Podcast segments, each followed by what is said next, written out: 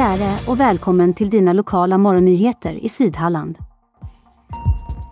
De senaste åren har varit expansiva för MP Nilsson som idag har 170 anställda och omsätter runt 600 miljoner. Nu tar koncernen nästa steg när de förvärvar en anläggning i nordöstra Skåne.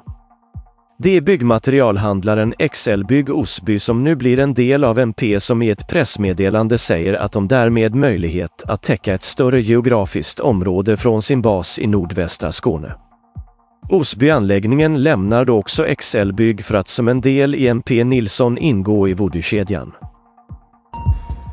Region Halland går även i år ut med en uppmaning till hallänningarna om att passa på att förnya recept på medicin, preventivmedel eller hjälpmedel. Detta görs i förebyggande syfte för att avlasta vården samt att människor inte ska riskera att stå utan medicin i sommar. Precis som i fjol vid den här tiden uppmanar Region Halland att invånarna i Halland redan nu ska förnya sina recept för att inte riskera att stå utan medicin under sommarmånaderna.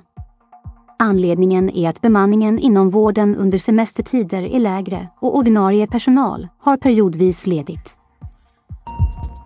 Under helgen bröt en dieseltjuv sig in i en maskinhall på en gård utanför Knäred.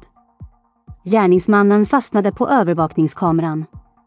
Någon gång mellan 00.30 och 01.30 under natten till lördag filmade övervakningskameror hur en person tog sig in i en maskinhall i Svenshult utanför Knäred.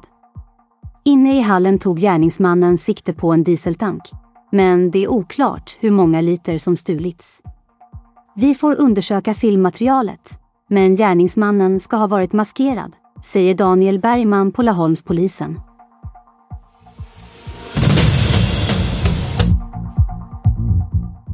I fredags kväll blev en fotgängare i 20-årsåldern påkörd på ett övergångsställe i nära anslutning till kraftstationen i Laholm.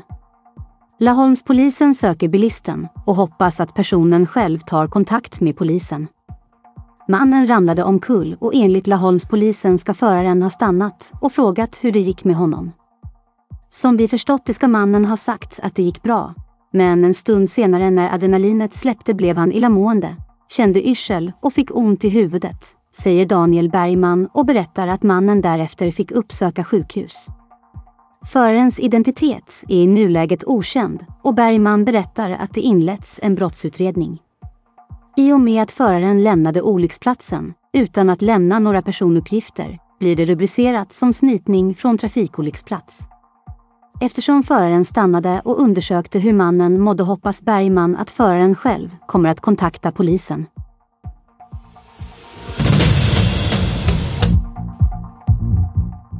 Det var allt vi hade att bjuda på idag.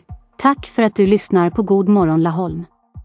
Vill du stötta den lokala journalistiken kan du göra det via laholmstidning.se lt-supporter. Missa inte heller dina dagliga nyheter på laholmstidning.se.